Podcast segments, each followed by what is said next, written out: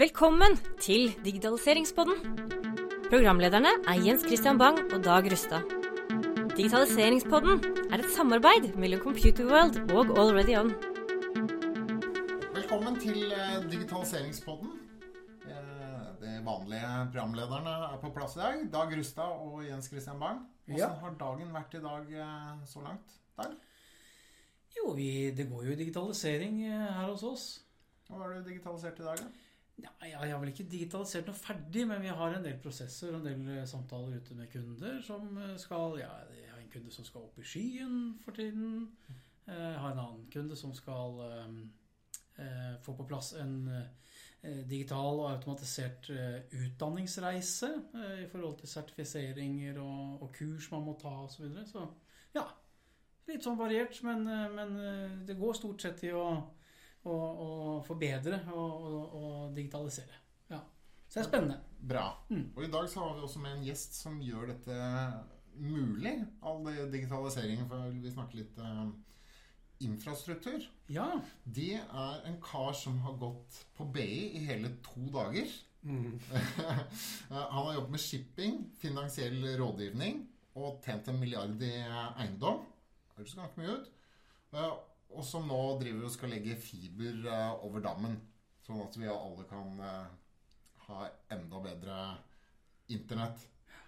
Gjesten i dag er Peder Nærbø fra Bulk Infrastructure. Vel velkommen. Takk for det. Takk for det. Dette må jeg si, introduksjonen er jo ganske spennende. Det er jo en, en ganske bred bakgrunn du har fra eh, shipping og rådgivning innenfor finansielle tjenester og eiendom, og så plutselig skal du lage fiber over dammen, men det får vi komme litt tilbake til. Men eh, jeg gleder meg til det. Eh, Jeg skjønte at eh, Peder, du, du er fra, opprinnelig fra Jar, Mm. eh, rett utenfor Oslo. Går Jar som Oslo, eller er det Bærum? Det er Bærum. Jeg tror det er Bærum. Ja, ja da, Det er, jeg bomma ikke der. Lysakerelva som, ja. som grenser Så du føler deg ikke som Oslo-gutt? Jeg føler meg ikke som Oslo-gutt. Jeg er uh, tvers igjennom en Bærumsgutt. Jeg har fått mye juling på Sørlandet som Bærumsgutt, så jeg må nesten stå og løpe ut. Men Det, holdt på å si eh, bakgrunn. Hva gjorde du da du var liten? Og Nei, jeg vokste opp på Jar da, og var jo en eh, både håndball- og hockeyspiller eh, sammen med gode kompiser i det miljøet. Eh, Og var egentlig eh, heldig og vokste opp med et stort og bredt eh, kompismiljø. Så vi har jo egentlig spredd oss rundt på mange forskjellige oppgaver rundt omkring.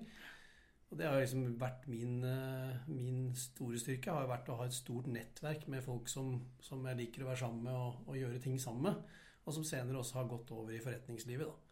Mm. Så, så det har egentlig vært eh, en, en av de tingene jeg har tatt med meg fra, fra særlig barndommen på Jar. Ja. Du fortalte eh, før sending at du er en kar som, eh, som liker å gjøre litt sånn gå dine egne veier, og liker ikke å bli fortalt nødvendigvis hva du skal gjøre. Du liker å finne ut av litt ting selv, er det så? Ja, det stemmer nok det. Eh, Det å gå på skole f.eks. er jo det er noe alle har vært igjennom stort sett, og, eller er i. og og der eh, blir man jo fortalt det du skal lære. Mm. Det vekker ikke nødvendigvis nysgjerrigheten min. Så, så jeg liker jo da å prøve å finne ut ting på egen hånd. Eh, Og det, det er derfor jeg driver egentlig med ting jeg ikke kan. Fordi at eh, vanligvis så starter du med, med noe som du tenker kan være interessant, eller noe du har noen forståelse på. Og så begynner du å lære deg egentlig prosessene mens du går. Mm. Og da må du bruke andre ting enn skolegangen som var tilbake i tid. Eh, Så, så jeg startet egentlig da, som du nevnte, eh, med to dager på BI f.eks. Det er et resultat av at jeg ikke eh, nødvendigvis var noe særlig skolemateriale. Det var kort karriere. Det var en kort karriere, men jeg var innom dag eh, nummer to for å se om det var like kjedelig som dag nummer én. Ja.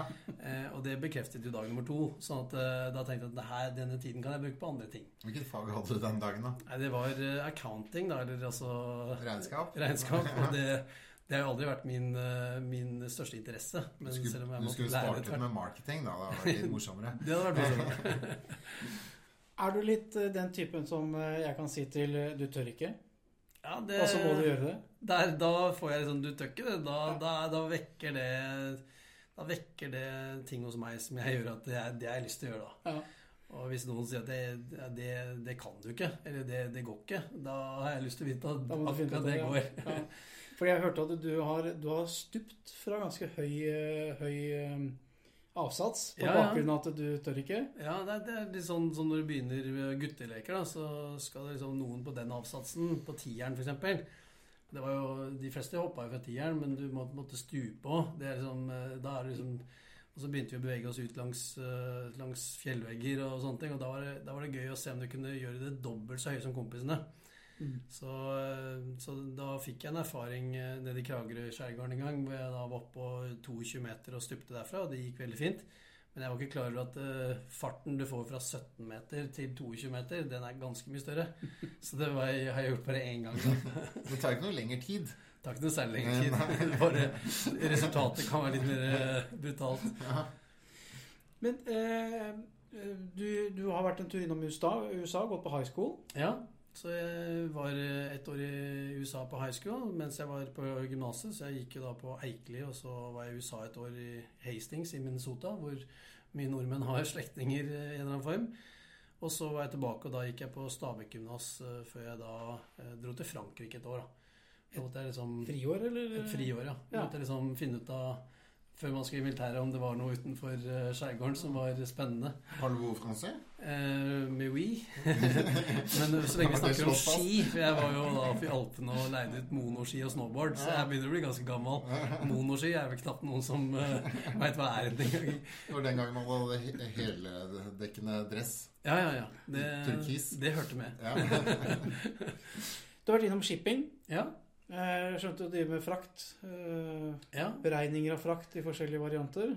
Altså I den grad jeg skulle studere, så etter å ha vært i militæret, da, så var jeg jo tenkte jeg, hva skal jeg gjøre nå, liksom. Eh, ikke hadde lyst til å gå på skole, men så hadde jeg en kompis som skulle på shippingskole i London. Jeg syntes det hørtes kjempegøy ut å være i London et år. Så jeg spurte han om det var greit at jeg søkte på samme skole, og så kom vi inn på skolen, og der var jeg et år, og det syntes jeg var kjempegøy. Ja. Så da begynte jeg å jobbe i shipping da egentlig eh, i 1991, da. Så det begynner å bli noen år tilbake. Ja. Og da jobba jeg til shipping i åtte år eh, på forskjellige selskaper. Og så, og så fikk jeg lyst til å prøve noe annet, og det var da jeg fikk de to dagene på, på BI, egentlig. Okay. Ja. Og etter at du fant ut at to dager på BI, det, var, det ble ikke noe bachelor på deg. Det ble ikke bachelor. men Da det gikk du videre til Ja, da, da havnet jeg på fest eh, den helgen etter, og, og der var det en type som sa at ja, men vi trenger folk i, i Akta som drev med økonomisk rådgivning og, og fondsdistribusjon osv. Så, videre. så da begynte jeg med det, eh, og der var jeg i ca. et år før jeg fant ut at jeg hadde lyst til å begynne et konkurrerende selskap eh, som, eh, som drev jobbet mer imot eh, større investorer og kanskje med litt andre typer produkter. da. Og da var gründeren i gang. Da var gründeren i gang, så da begynte jeg først litt rolig med et avdelingskontor for noen som allerede hadde startet, eh, startet investeringsrådgivning, som det het i selskapet. Eh, og så etter hvert så begynte jeg da å følge investorene sine investeringer inn i eiendom og eiendomsprosjekter.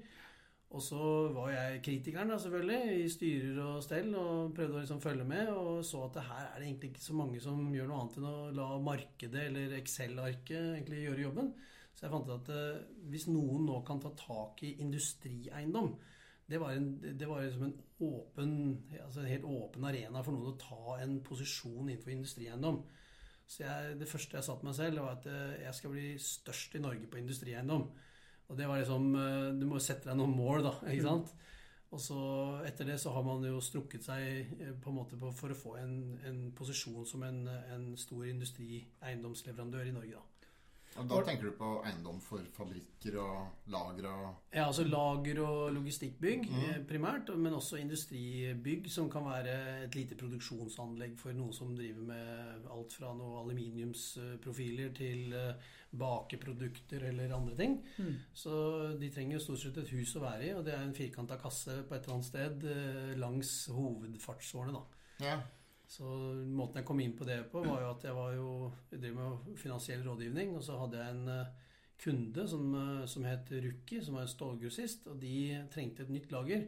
Og da hadde jeg allerede snakket med dem om finansiering Eller om investeringer. Og så kjente jeg da han eh, ene som satt i ledelsen der, og så sa de at de trengte et nytt lager. Så hvis du finner en tomt 15 minutter fra hovedlageret i Oslo som de kan gå til, så er vi interessert i å leie i ti år. Og jeg leita etter tomter, og det var jo nesten ikke tomter å oppdrive, for de måtte ha 30 mål tomt. Eh, De endte opp med å bli 19 mål, da. Det var det største vi kunne finne. Og så lagde vi en leieavtale på Berger nord for Oslo. Og det var egentlig det første bygget vi bygde. Da fikk jeg tak i min barndomsvenn eh, Torbjørn, som, eh, som jeg sa Torbjørn, nå må du begynne i bulk for at vi skal bygge et bygg. Vi skal levere noe til en kunde, og du er ingeniør. Her er jobben. Så fikk jeg heldigvis med Torbjørn. Og Trygve, som jeg hadde startet jobben med. Vi hadde da rota rundt et år med å prøve å finne tomt. Og vi så, når det var så vanskelig å finne tomter, så må jo nøkkelen være å få tak i tomter. Så, hvilket år var dette? Dette var i 2006. Det var 2006, ja, for det var jo press på eiendomsmarkedet den Ja. gangen òg. Så vi endte opp med å kjøpe tomt til det første prosjektet, som da ble Ruki. Og vårt andre prosjekt, da kjøpte vi en tomt på andre siden av eh, E6 der oppe på Berger, eh, som, som eh, var på 165 mål. Og det er jo helt galskap å kunne kjøpe en tomt for 165 eh, mål for 200 millioner kroner uten å ha finansiering ferdig. Men det, vi fikk to dager på å bestemme oss eh, om vi endelig skulle kjøpe den. Vi hadde jo ikke peiling. Det var før ingeniøren kom inn, riktignok, så det var jo en advokat og meg. Og så, og så tok vi en sjanse. Og da eh, så vi at det var mulig å få finansiering i DNB, som har vært med oss siden den gang, til å få finansiert prosjektet. Og så fikk vi med oss investorer inn, som da var egentlig selgerne av tomta, og også en del investorer som jeg kjente fra tidligere. Og så Så du satte sammen en finanspakke med, med DNB og tidligere eier? Ja, og, så, og i tillegg med noen nye investorer som, vi da, som jeg kjente fra før av. Og så begynte vi å knakke på dørene til de som skulle leie eh, store lagerbygg. Og da hadde jeg allerede fått vite at eh, både Posten med Bring og Alcel, eh, som er en stor elektrogrossist, og også Ica var ute etter et stort lager. Og jeg så det var bare én tomt som kunne eh, tilfredsstille kravene de hadde.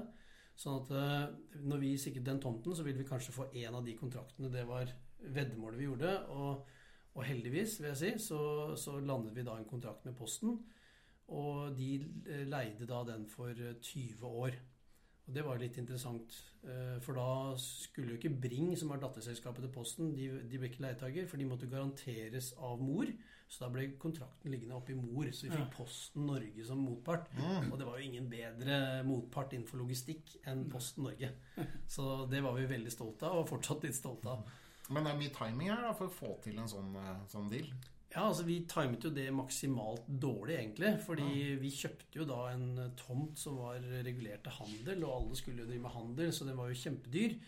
Og så skulle vi drive med logistikk, som var på en måte en lavkostbransje. Og så gikk vi rett inn i finanskrisen. Og heldigvis så hadde vi finansiert tomta og fått på plass investorene før finanskrisen kom. Eh, og da måtte vi da eh, gå ut og, og på vegne av investorene våre prøve å selge prosjektet først. Fordi alle sammen fikk jo litt panikk akkurat sommeren i 2008, var det vel. Og da, da måtte vi selge prosjektet, mens ingen trodde at vi skulle klare å bygge det eh, på den tiden vi hadde, og til den kostnaden som vi hadde regnet på. Sånn at de fikk ikke solgt, eh, i hvert fall ikke til den prisen de ville ha. Så det endte opp med at vi da eh, fikk låne penger fra noen som lånte oss penger eh, til bulk. da. Så gikk vi inn og puttet inn litt mer, og fikk DNB til å finansiere det. Så det var egentlig starten på det byggeprosjektet som egentlig viste at Bulk faktisk klarte å ha gjennomføringsevne til tross for den stormen vi sto i den gangen, da, med finanskrise og det ene og det andre. Det er gøy når du ser man får til ting, bare man vil hardt nok, da. Ja, og så har vi hatt litt flaks med å ha flinke medarbeidere da, som har eh, stått i det og jobbet hardt. Og det, og det, det, det var, det, der viste vi at kvaliteten på de menneskene som jobber i Bulk, var jo helt ekstrem. Desto Så- mer eh, flaks man har, desto flinkere er man. Eller motsatt. Ja, det er kanskje sånn. Desto flinkere man er, desto mer flaks er man. Mm. Ja. Men eh, fra da å være få til, eh, få til eh, tomta på Berger, eh, Mm. så har det jo blitt mange prosjekter etter det. Ja. Eh, Men derifra til å havne her i Digitaliseringspodden og snakke om digitalisering, hva skjedde videre? Ja, Det som skjedde, var jo at vi skjønte at nøkkelen var egentlig tomter. Så vi begynte å sikre oss tomter både syd og nord for Oslo langs E6. Og på et tidspunkt så hadde vi rundt eh, 1500 mål som vi jobbet med. Reklame. Trenger du en partner som kan ta deg til nye høyder i digitalsamfunnet? Already On er både forretningsrådgiver og en applikasjonsutvikler som løfter deg opp i skyen med ferdige komponenter. Med kunderelasjonssystemet Sjo i skyen kan du digitalt kommunisere med kunder og prospekts og hjelpe dem videre i kundereisen. Kontakt AlreadyOn på heialfakrøll.alreadyon.com eller chat med oss på alreadyon.com. Reklame. Og i 2010 fikk jeg første telefon fra noen som lurte på om vi kunne vise frem tomter til noen konsulenter som skulle se på tomt til datasenter. Jeg hadde ikke peiling på hva et datasenter var, men jeg viste nå i hvert fall frem tomtene våre. og Han reiste lykkelig og bare forsvant, jeg hørte aldri noe mer. Og så kom det en type til i 2011 og skulle se på tomter for datasenter. Og jeg viste han tomtene like blid som sist, og han forsvant og hørte ikke noe mer. Og så kom det en type til, vet du. Tredjemann. Og sa nei, nei, nei. Jeg, jeg, tror kanskje jeg har noe som du tror kanskje er interessant. Men den reisen der, den har jeg gjort før. Og jeg, jeg, tror, ikke, jeg tror, ikke, jeg har det du vil vil ha. Men så snudde jeg meg til kollegaen min og sa hva er dette datasentergreiene? Og hva er det egentlig Hvorfor skal de se på våre tomter? Var dette i den perioden som du skulle bygge Greenfield i Felt, ja, eller? Ja, så da var egentlig Det var litt parallelt med den prosessen som Entra da hadde for Evry etter hvert. Ja. Mm. Uh, men det endte ja, for det var flere aktører som skulle bygge flere sentre. Ja, altså Det var jo Evry som var kunden som skulle bygge nytt datasenter. Ja. Eh, og så var det jo Entra som da eh, var en av de aktørene. Og så endte det opp egentlig med at det var Digiplex som gjorde en kontrakt da med Entra eh, Nei, unnskyld, med Evry. Og, og gjorde det datasenteret de ville ha på Fett utenfor, eh, utenfor Oslo. Ja. Men i den prosessen så så, så, så jeg at, eh, at det var eh, en enorm forurensning på datasenteret. Og det som vi starter med når vi starter med logistikk også, det var å dra logistikken ut av byen. Og slutte med tomgangskjøring i Oslo. Mm. Og det trodde vi ville være med på Hvis du løser et problem, så har du også en større forutsetning for å kunne gjøre forretning. Da. Så vi så her at det, potensialet for å løse et globalt problem, det er å få Norge til å bli en leverandør med vår norske vannkraft, som da er 100% fornybar. Og få den til å være en leverandør inn mot datasenterindustrien, som da vanligvis driver i steder hvor det ikke er noe særlig kraftverk, men du har på en måte eh, Altså vannkraftverk, men du har dieselkraft og kullkraft, som da driver store datasentre. Så de forurenset mer enn hele flybransjen. Og da så jeg at hvis vi kan få Norge til å bli, komme inn og levere løsninger for datasentre, så måtte jo det være utrolig attraktivt. Og så har vi en billig kraft som også skulle være attraktivt.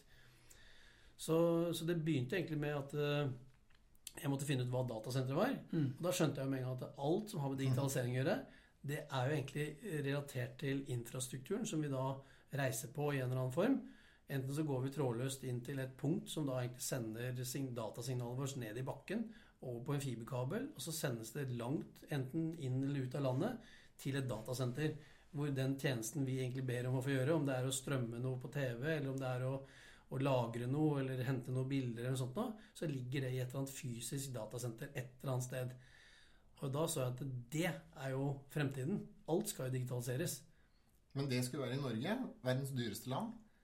Ja, Det er jo et dyrt land, men hvis du ser på de som jobber innenfor den industrien i dag, altså Mhm. de som jobber med IT-service og sånne ting, så er jo ikke vi dyre, egentlig, i forhold til mange andre land som du tror er kanskje mye mer lavkostland. Så har den type eh, arbeidsplasser blitt veldig, eh, veldig omtalt og, og etterspurt, sånn at de har en, en, et norsk eh, nivå på sine, på sine lønninger. Da. Ja, arbeidskraften. Men hva med, med alle de andre Hva er, det som utgjør liksom den største kostnaden på, på, et, eh, på et datasenter? På et datasenter så er jo kraftprisen er jo en veldig stor del av eh, kostnaden. Og så er det også mengden kraft du bruker. Og det som, er, det som var attraktivt for de som kom da og banket på døra vår, Mm. det var å komme til Norden generelt. Fordi at vi har et kjøligere klima. Og disse dataserverne de måtte jo kjøles ned, for de produserer veldig mye varme når de står og går. Det er akkurat som du har laptopen i fanget, så kjenner du at den blir varm. Ja. Og det samme skjer jo inne på disse serverparkene, hvor de står inne i store datasentre. Og når vi da har et kjølig uteklima, så kan du bruke en billig kjølemetode, og det er å dra den kjølige luften inn og på en måte kjøle ned inneluften med uteluften. Så det at man da ønsket å gå til Norden generelt for å få kjøligere klima, så, så var, det- gjorde det det veldig attraktivt. Og når kraften blir brukt i så stor monn, så er altså kraftprisen veldig viktig. Mm. Sånn at det at vi har lavest kraftpris i Europa, det er jo selvfølgelig også veldig attraktivt. Ja, det er klart. Det er vel derfor mange driver og miner eh, i Norge, da. Med, Ja, det, vi får se hvordan det går med det. ja. Men, eh, men det er jo en helt Det er en veldig nisjedel av et eh, Det er på en måte ikke et datasenter, det er en kraftkrevende virksomhet som, som, som, som er ute etter rimelig kraft. da. Så de har jo fastsatt Norge på kartet kraftmessig. Datasenter i Norge. Mhm. Eh, Hvorfor det? Når liksom eh, hele Europa, USA, Irland, alle, alle der hvor liksom de store sentrene er. Mm. Hvordan skal du komme, klare å konkurrere med de store aktørene? Ja, nei, Det er jo ikke så lett, da. Så Det er jo interessant å stille spørsmålet hvorfor datasenter i Norge. Og svaret er egentlig ganske enkelt. Det er jo ikke store datasentre, egentlig enorme datasentre i Norge. Og det er en grunn til at ikke de er her òg. Og det er at de har ikke sett at fibernettet vårt altså Data reiser jo på et fibernett eh, til og fra de stedene de skal. Særlig mellom to datasentre så er det behov for veldig mye fiber. Og da har ikke vi den type fibernett, moderne fibernett i Norge, som gjør at det er attraktivt å legge seg i Norge.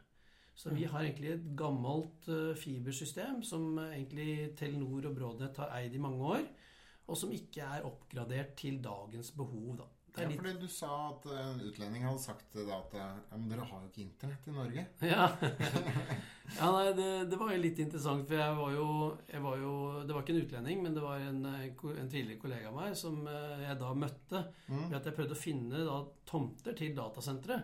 Og så Da begynte jeg å følge hvor er det vi har kraft. Mm. Og så, så trenger du ikke bare kraft, du trenger også fibernett. Altså mange forskjellige føringsveier på fiber. Og, og da ringte jeg og snakket med en som het Bjørn, og så, og så sa han at ja, men Norge er jo ikke på internett. Ja, hva mener du med det, liksom? Nei, Norge er ikke tilknytta direkte det store transportnettet som vi har da rundt omkring i verden. Så du må gå gjennom Sverige og Danmark for å komme deg liksom ned til Europa, hvor du har egentlig de store internettknutepunktene, da. Ja, hvor, går, hvor går det internett i dag, da? Altså, går det meste gjennom Sverige? Altså, det er noe som vi kaller den skandinaviske ringen. Og Ja. da kommer egentlig det fysiske fibernettet som ligger nedgravd i bakken. Det går egentlig over Danmark, og så går det inn i Sverige. Og så går det på en måte ruter opp til Stockholm. Og så går det på tvers over eh, Ørebro og inn langs E18 nesten, inn til Oslo.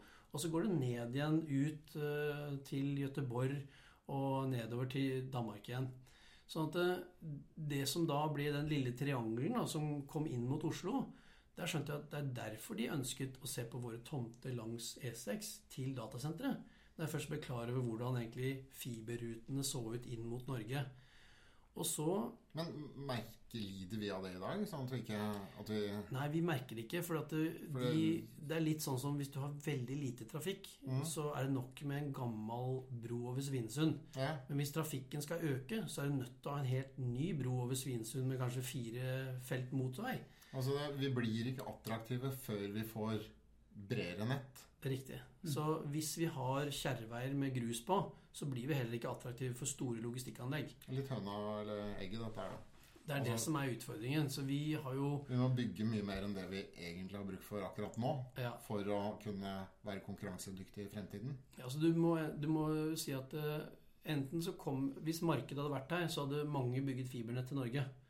Men det er ikke noe marked i Norge. Det er derfor Hvorfor Norge og datasentre? Det er for at vi ønsker å få Norge inn på denne utrolig spennende reisen som digitalisering og dataleveranser blir.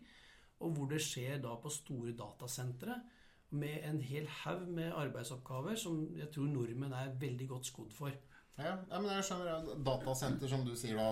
eh, vi har lav temperatur, billig strøm, eh, stabile forhold eh, politisk. eh, men vi mangler da selve motorveien. Så hvis altså, alle forholdene for selve datasenteret er i orden, men vi har ikke infrastrukturen til å, til å, kunne kjøre de større greiene. Men uh, Det er litt som å bygge et uh, kjøpesenter på Kikkut. Ja. Eh, du har noen grusveier så du kommer opp dit, men det kommer jo ikke noe folk. Du kan bygge kjøpesenter der òg. Det koster kanskje litt mer enn å bygge det et annet sted, men, Men er det, er det sånn at uh, Bulk nå bygger motorveier opp til Kikkut? da? Er det sånn å forstå? Vi bygger motorveier til Norge gjennom altså fibermotorveier. Så, så det, det som egentlig var hovedmålet vårt, det var også å gjøre et forløsende prosjekt på Sørlandet. I Agder så har vi et av verdens største overskudd på fornybar energi. Og, og det er altså eh, en eh, transformatorstasjon som heter Kristiansand Trafo, som ligger da i Vennesla kommune. Og den har mer strøm enn landet Irland. Så der er det 3,6 gigawatt med strøm installert. Mens i Irland så er det 3,5 gigawatt. Og grunnen til at jeg nevner Irland, det er at det er på en måte eh, hovedstedet i hele Europa for datalagring og prosessering for det europeiske markedet. Men det er jo sikkert litt sånn skattemotivert også, da. Det er en grunn til at de ligger der. I, ja. i Irland. Ja, og så er det mye finansbransje der, nettopp av de samme årsakene. Og de liker jo på en måte å ha datasentrene rundt seg opprinnelig. Men så har på en måte Irland spesialisert seg på, på å lage datasentre og tilby datasentre. Så nå går en, en tredel av all kraft i Irland går til datasenternæringen. Og det er klart at det kan ikke fortsette. Sånn som data vokser, og behovet for data vokser, så må vi også finne andre løsninger der hvor det er bærekraftig strøm som da blir levert inn mot datasentrene. Så det betyr at eh, dere har nå begynt å bygge datasentre. Mm. Nå er dere også over i å begynne å øh, legge fiber. Ja. Hvor er det dere legger fiberen øh, for tiden, da? Eller hvor har dere lagt, og hvor skal dere hen? Ja, altså Det som skjedde med denne famøse kommentaren da, til, eh, til eh, Bjørn, som jeg møtte, eh, det var at eh, vi ble interessert til eh, Bane NOR, som da hadde et fiberprosjekt som skulle gå fra Oslo til eh, Sørlandet. Og da sa vi at der vil vi være med. Vi bygger da fiber sammen med Bane NOR, så det eh, endte vi opp med å gjøre. Og nå er vi ferdig over til Stavanger. Og så har vi begynt fra Oslo til Bergen også. Og så skal vi begynne, binde Bergen og eh, Stavanger sammen, sånn at vi får det vi kaller for en intercity-ring. Og den ringen den skal vi tilby eh, såkalt mørk fiber. Og mørk fiber det er egentlig ganske enkelt eh, det, den selve fibertråden som noen da leier av deg i 20 år, f.eks. Og, og de skal da legge den til, tilføre den til et allerede eksisterende fibernett med tilsvarende tråder andre steder. Sånn at de kan eh, få et større nettverk som da går inn i Norge og kan tilby sine datatjenester. Og om det er strømmetjenester, se fotball-VM f.eks., så vil på en måte disse leveres da gjennom store internasjonale selskaper som leverer data rundt omkring i verden. Den øh, fiberen da, som intercity-ringen, det må jo kobles opp mot øh, resten av verden. Ja, Skal den kobles på, på Nordensringen, eller hva er planene for, øh, ja for tilkoblingen? Det har vi faktisk gjort allerede. Vi sikret oss egentlig det bygget i Oslo som da det internasjonale fibernettet kobles inn i. Og dette internasjonale fibernettet som da går gjennom Danmark og Sverige, det er jo gravd ned i bakken. Og det kommer da inn til Groruddalen.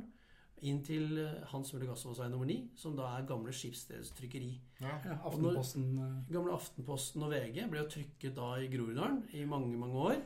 Og når det stengte ned, de hadde flyttet på seg, så var jo det bygget rigget med masse kraft. Og da kom folk og leide datarom inn. Eh, Unnskyld, de leide rom, og så bygde de datarom uh, i det bygget i ganske stor skala. Og etter hvert så uh, fikk vi da kjøpt det bygget og gjort det om til Oslo Internet Exchange. Og det er da utvekslingspunktet mellom internasjonale og nasjonale eh, transportnett på fiber. da. Så der hvor Bulk eier bygget i dag. Så vi eier det som eh, Akershus eh, Energi, Men faktisk. Det som i gamle dager ble kalt Nixon? Nei, det ligger på Gaustadlen oppå Men Nixon er også hos oss. Men de er jo på en måte en, en leietager med det, med det distribusjonsnettet de har i Norge. Det er også tilgjengelig da inne på, vår, eh, inne på vårt nett sammen med en, en rekke andre nett. Mm. Så, så det er et veldig stort knutepunkt. Så der har vi eh, nesten 40 internasjonale såkalte carriere. da. Litt tilbake til den der øh, du liker å finne ut av ting og, og går litt andre veier og går gjennom vegger hvis du må. Um, du skal legge en kabel uh, over, over dammen, du. Ja, det Det må du er, fortelle litt om. det er et litt hårete prosjekt. da. Fordi jeg har jo ikke noe bakgrunn fra fiber i utgangspunktet. Men vi begynte å jobbe da med nasjonalfiber først. Og så det tar jo forferdelig lang tid. Og du må ha solide partnere, og så må du finansiere dette, osv.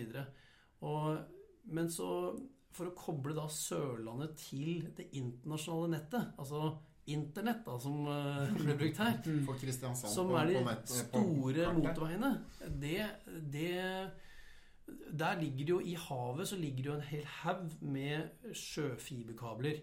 Så de er jo da kabler som binder sammen interkontinentale og også europeiske nett, som da går mellom England og Europa, mellom Irland og Europa, eller resten av Europa, da. Og også over transatlantiske kabler. Så det er ø, i før dotcom kom og krasjet skikkelig, altså i 99 og 2000, så var investeringsviljen betydelig innenfor ø, dotcom-verden, og da skulle alle bygge fibernett. Mm. Så det ble bygget da en rekke fiberkabler over Atlanteren. Men nå har jo de blitt veldig gamle etter hvert. Og den første kabelen som da skulle bygges inn i Nordsjøen fra USA, den skulle gå fra New Jersey til Danmark, eh, den var nå i, i planlegging. Og vi fikk nyss om, eh, om at Facebook og Google skulle bygge den. Og da tenkte vi at det er 20 år siden sist. Når er det neste gang vi får en sjanse til å koble oss på en sånn kabel?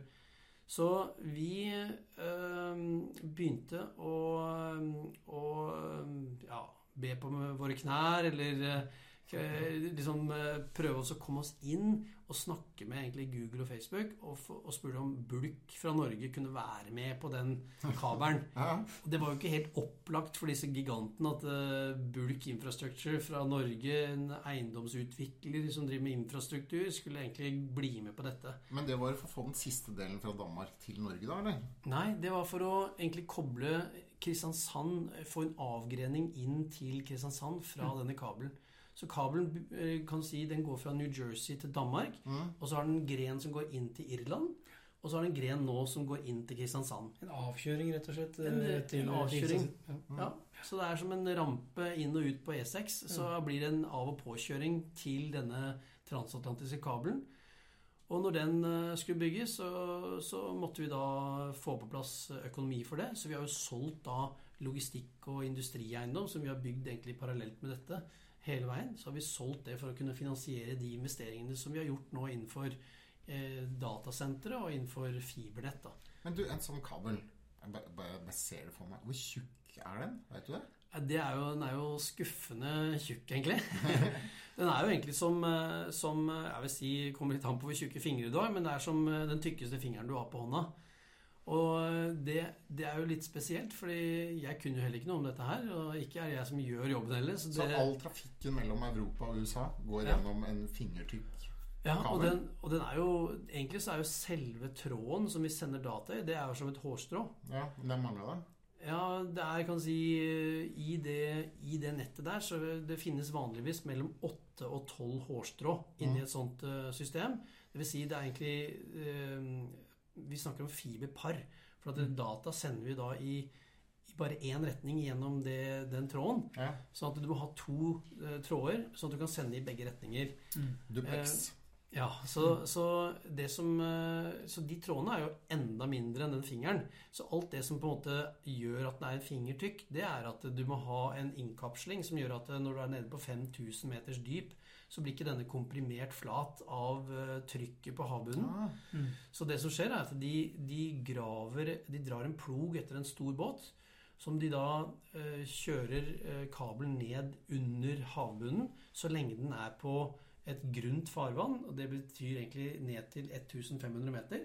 Og når du kommer dypere enn 1500 meter, så kjører de tre knops fart og ruller da den ut på havbunnen. Og så helt til du kommer inn i Nordsjøen, f.eks. Og der må de ploge den gjennom, da, for der er det masse annen infrastruktur på havbunnen. Så det blir en komplisert affære å gå gjennom Nordsjøen, som, som vi ønsket å være med på i denne sammenheng. Da. dette høres ut som ganske heavy ingeniørarbeid.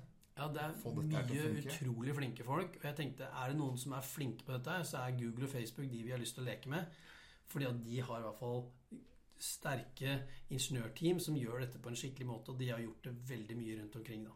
Og nå er dere inne i varmen. Nå er dere med i prosjektet. Ja, Vi klarte å få, få oss med, så vi er jo faktisk den største investoren i prosjektet. Fordi vi i tillegg til de avgreningene som alle de andre har, som da er Irland, USA og Danmark, så har vi Norge i tillegg. Så vi har jo da eh, Det er jo kun vi som har på en måte avgrening inn til Norge. Og det er jo fordi at de andre i realiteten, de har jo ikke bedt om Norge. Og Norge var ikke noe de ville investere i.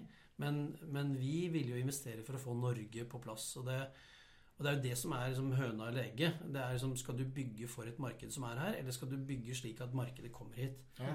Og vi er jo helt avhengig av å lage en infrastruktur som gjør at Norge blir attraktiv rent fysisk til å legge datasentre i.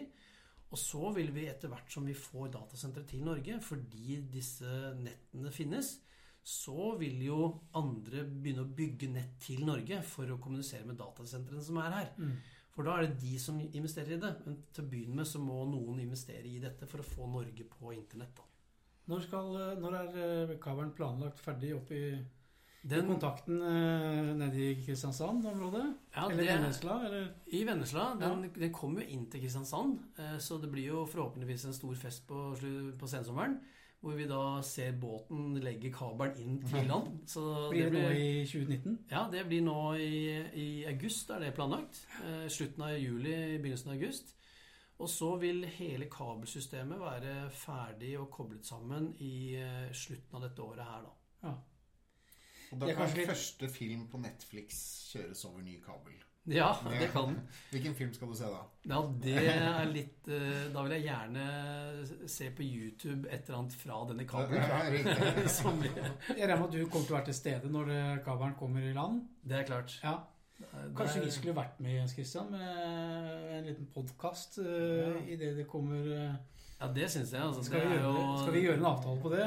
Det kan vi At vi gjøre en kommer til. Kristiansand og gjør en podkast? Ja, Absolutt. det er eh, om sommeren. Ja. sommeren, Ja. vet du hva, det blide Sørlandet, det er jo Man kan si hva man vil om datasenterlokasjoner, men det er ikke alle lokasjoner som er like spennende å jobbe på. Eh, og, men der tror jeg at hvis vi først får i gang datasenterindustri på Sørlandet, så tror jeg folk kommer til å trives som plommen i egget. Ja.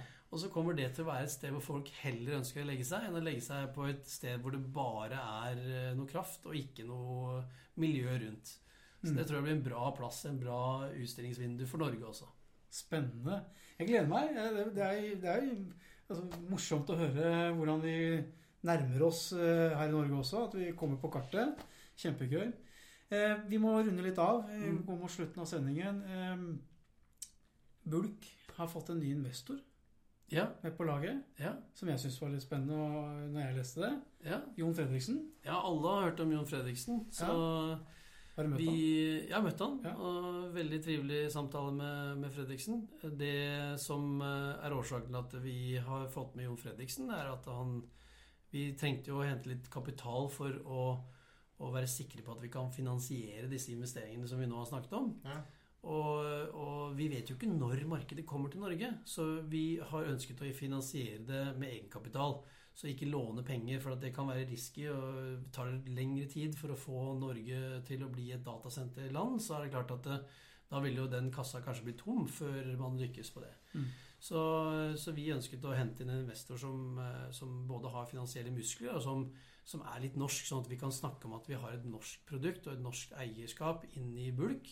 Det har vært litt viktig, i hvert fall for meg, som er hovedeier i Bulk. Mm. Eh, og så tror jeg at det er, eh, det er enklere å ha noen få relasjoner som kan bli sterke, enn å ha altfor mange relasjoner som kanskje er svake. Da. Er det, er driver Fredriksen med noen, noen andre industriområder som dere kan trekke nytte av i tillegg til det finansielle, eller? Ja, altså Det blir jo å trekke det litt langt, da, men olje- og gassektoren er jo veldig på vei inn i digitalisering. Altså, Det er jo ikke lenge før vi begynner å se antageligvis fjernstyrte eh, oljerigger på Nordsjøen.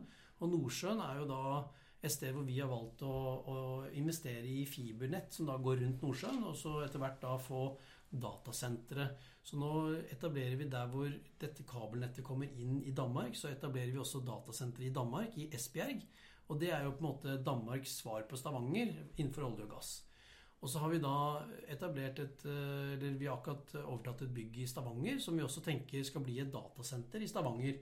Og det er for at olje og gass er også en veldig attraktiv kundegruppe for de som skal drive med skytjenester. Spennende. Det var spennende. Nå har jeg lært eh, masse nytt om, eh, om fiber- og datasentre. Infrastruktur og eh, backbone. Kjempespennende. Det som skal til for å digitalisere. Takk for at du kom. Jo, takk for at jeg kunne komme. Digitaliseringspodden lages av produsent Lykke Bang, programleder Dag Rustad og programleder Jens Christian Bang. Abonner på Digitaliseringspodden. Du kan kontakte Digitaliseringspodden gjennom Computerworld på cw.no eller AlreadyOn på alreadyon.com.